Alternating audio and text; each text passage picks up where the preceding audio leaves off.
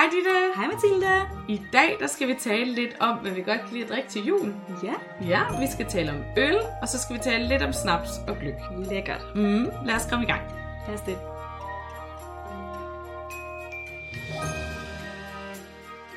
Jeg tænker, vi starter med juleølen. Mhm. Mm. Der er usikkerhed om præcis, hvornår det opstod, men man ved altså, at vikingerne drak jul. Og de lavede simpelthen også en speciel julebryg til formålet, eller hvad? De kaldte det julebryg. Okay. Ja, første gang, at ordet jul, det ses på skrift i nordisk historie, det er faktisk i kombination med øl. Ja. Ja, og det er kilden fra omkring år 900, hvor man kan læse om den her vikingehøvding Harald Hårfager, der var Norges første konge. Og ude på havet, der vil han drikke jul. Så traditionen med at brygge en særlig stærk øl til juletid, det stammer altså helt tilbage fra vikingetiden. Okay. Og udover julebryg, så kaldte de det også juletønden, og tønden blev så sat frem ved juletid, og så længe der var øl i tønden, så var det jul. Så Det hørte vi også om til julestuerne. lige præcis.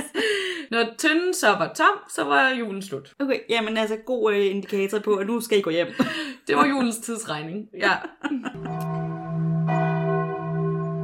Med kristendoms indførelse, der blev det almindeligt, at husfaderen udbragte en skål for Kristus eller Jomfru Maria juleaften i øl altså. Det har været hele befolkningen, der drak øl til jul. Bønderne, de bryggede op mod 300 liter øl per gård altså. Og den her øl, den havde cirka 5% alkohol, så ingen behøvede at gå tørstig ind i det nye år. Så øl var altså altid til stede ved julebordet, til julemiddagen og i juledagene. Julebryggen, som vi kender den i dag, den stammer fra 1600-tallets sydtyske klostre. Og det var nogle munke, som hed Paulanermunkene, som udviklede en øl, som hedder Salvatorøllen, som var en ekstra stærk og næringsrig dobbeltbok, og øllet blev brygget i anledningen af fasten, hvor munkene kun måtte indtage flydende kost, og derfor var en god og nærende øl jo at foretrække. I 1700-tallet, der har vi jo hørt i mandags, at det var almindeligt at afholde nogle rigtig festlige julestuer. Mm. Og alt var selvfølgelig fuld dans og lystighed, og der, var, der sidste altså, at det var en forseelse ikke at svømme i floder af stærk øl. Og i 1800-tallet, der sker der altså noget vigtigt. Traditionelt så blev øllet jo brygget i byens købmandsgård eller på landet i gårdens bryggers. Men fra 1850 og frem, der åbnede næsten 10 nye bryggerier hvert år i Danmark. Og det medførte altså, at man herfra i højere grad begyndte at købe øl, som var brygget på et bryggeri, frem for selv at brygge derhjemme. Det var herfra, at den første egentlige fase af sådan en industrialisering af ølbrygning begyndte. Ikke? De fleste bryggerier i Danmark, de lavede sådan en overgæret, alkoholsvag hvidøl. Det lignede det, som man havde kendt siden vikingetiden. Altså det har lignet vikingernes julebryg. Men der var enkelte brygmestre, som gik imod dette, og det er jo især I.C. Jacobsen fra Carlsberg, mm. som gik i spidsen med en helt ny undergæret type, den bayerske øl. Den var stærkere og mere frisk end hvidøl, og så var den også dyrere. Øh, men der blev taget rigtig godt imod den. I en periode på 15 år fra 1872 til 1887, der steg salget af bayersk øl i København med mere end 500 procent. Det var ret vigtigt for juleøllets intro til det danske marked. Fordi på grund af den her succes blev der indført en ny ølskat i 1891, som beskattede den bayerske variant, men ikke hvidøllet. Den her nye ølskat, den knækkede den her opadgående salgskurve for den bayerske øl. Og i kølvandet på det, så prøvede selskabet De Forenede Bryggerier noget nyt. De lancerede i 1892 den første danske julebryg. Ja. Mm. Øllet var en salvatorøl, den som munkene drak i 1600-tallet, og som i Tyskland var blevet kendt som påskebryg. Okay. Så den første danske julebryg var faktisk en påskebryg. Men ved at sælge den som julebryg, så kunne man jo markedsføre den med en særlig dansk historie mm. for at øge salget. Det viser sig, at der, der var egentlig ikke nogen problemer med at sælge den her lækre mørke øl. Den solgte faktisk sig selv. Men så blev det så svært at sælge hvidt øl i stedet for, fordi den bayerske øl og den her mørke øl blev så populær. Så derfor så fandt de forenede bryggerier nu på en ny og pikant julehvidt øl med en nisse på etiketten. Aha. Og hermed var en juleklassiker født, nemlig nisseøllen. Adskillige af de andre bryggerier, de lancerede derefter også en hvidt øl med en nisse på etiketten, men den eneste, der er tilbage i dag, det er den fra Kongens Bryghus, og med den skålende nisse, og det er altså en direkte aftager fra 1896 nisseøllen, the original. I 1905, der kom bryggeriet Odense, altså Albani, på markedet med en Münchener øltype, som var stærkt inspireret af Tuborgs påskebryg, som de havde lanceret deres første version af det samme år. Der var ikke rigtig nogen af de her, der slog helt an. Selvom at julebryggen havde været en succes i 1890'erne, så gik salget af de her helligdagsøl helt i stå under 1. verdenskrig. Der havde man Øhm, også lidt noget andet at tænke på. og i 1916, der kom der direkte restriktioner på at brygge stærkt øl, simpelthen fordi, at man kunne ikke skaffe varer alligevel. I 1929, der kommer der så en ny julebryg på øh, markedet fra Tønder Aktiebryggeri. Og op igennem 30'erne, der kom der så 4-5 bryggerier på banen med en julebryg. Og til forskel fra de her første helligdags øh, øl i 1890'erne og starten af 1900-tallet, så havde alle varianterne nu et decideret markat med navnet julebryg på. Så det er altså i 1930'erne, det decideret får markatet julebryg.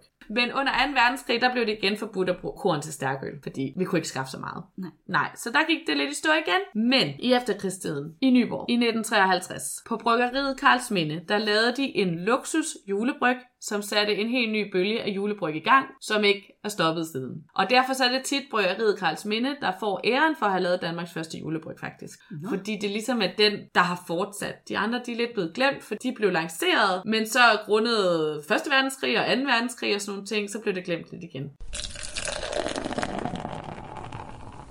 Julebryggen har som sagt været på det danske marked lige siden, og de seneste år er der kommet mere end 50 nye julebryg hvert år. Hvert år? Ja, siden årtusindskiftet, der har vi fået virkelig mange mikrobryggerier igen. Det er faktisk ret sjovt at se på, at i midten af 1800-tallet, der dykker en hel masse mikrobryggerier op, og det bliver så samlet, ikke? Carlsberg samler en masse, Albani samler en masse, Tuborg samler en masse. Og det er altså en stor del af 1900-tallet, den tendens, man ser, men så her efter årtusindskiftet, der har vi fået vildt mange små mikrobryggerier igen, og specialøl er blevet populært, og derfor så er der også kommet rigtig mange nye juleølvarianter. Den her tradition med julebryggen, det er tit en stærkere, en sødere og en mørkere øl, som bliver udgivet i anledning af julen, og som vi altså har holdt i hævd, som man gjorde det i vikingetiden, i middelalderen, renaissancen og i 1800-tallet. Efterhånden så er det ikke en regel om, hvordan øllen skal smage, men at den udgives i anledningen af julen. Så man kan altså både få på det lyse spektre juleøl med kanel eller nelliker eller lakridsrød i, men også stadig de der en helt mørk julestavt eller lignende, ikke? Vi har faktisk i år, der har jeg købt en jule-IPA. Ja, Det var også virkelig lækkert, faktisk. Ja, så, så alle ølstyper, de kan få lov til at være med til jul. Som lovet, så vender vi lige lidt historie om julesnapsen. Og der har jeg altså taget udgangspunkt i en af de vigtigste snapsetraditioner i Danmark, som er, når de danske spritfabrikker udsender deres Aalborg juleakvavit. Den er blevet lanceret siden 1982. En øh, julefrokost klassiker. Ja, det er i hvert fald en klassiker. Aquavitten bliver lavet efter den samme opskrift år efter år.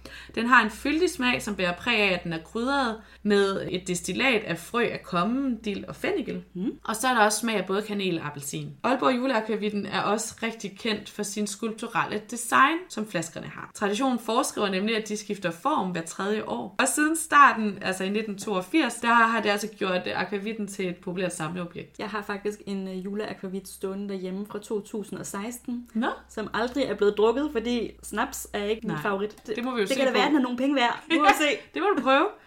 Haps, haps, haps.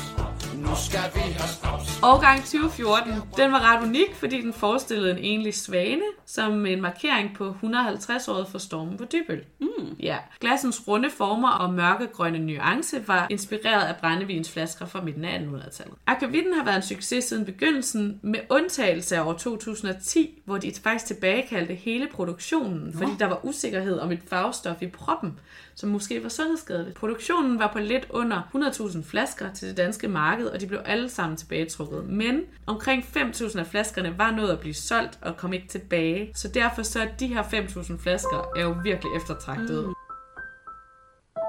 Apropos din flaske, så er den måske alligevel lidt sjov at have, fordi i april 2015, der blev den sidste Aalborg juleakvavit skænket op i Aalborg, og efterfølgende så er produktionen flyttet til et område uden for Oslo i Norge. Så din flaske er jo faktisk den første årgang af den nye. Haps, haps, haps. Nu skal vi have. Den sidste juledrik, som jeg vil tale lidt om nu, det er gløk. Ej, det er jo min julefavorit. Også min. Jeg elsker gløk. Gløkken, den minder jo rigtig meget om den tyske glyvejen, som stammer fra 1400-tallet. Og det er altså også det, som er forgængeren for gløk. Glyvejen, det er jo en opvarmet rødvin, som er tilsat nogle forskellige krydderier, og som man fandt på at drikke for at holde varmen i de klamme vintermåneder på de tyske slotte langs Rhinen. Man har drukket den her varme rødvin siden 1400-tallet, men i slutningen af 1800-tallet bliver det til en decideret juletradition. Først i Tyskland, hvor det jo er blevet opfundet, mm. og efterhånden så spreder det sig også her til Norden. Her blev det især hjulpet på vej af svenske spritfabrikanter, som fandt på at forsyne gløgflaskerne med farvestrålende etiketter, mm. med nisser og andre julefigurer. Det er vi jo vilde med. Det er vi nemlig vilde med. Så øh, gløgg er altså importeret til Danmark som så meget andet, via Tyskland og via Sverige. Ordet gløk, som vi jo øh, siger det i Danmark i stedet for glyvejen, det stammer fra ordet for glødet vin, som er gløgt.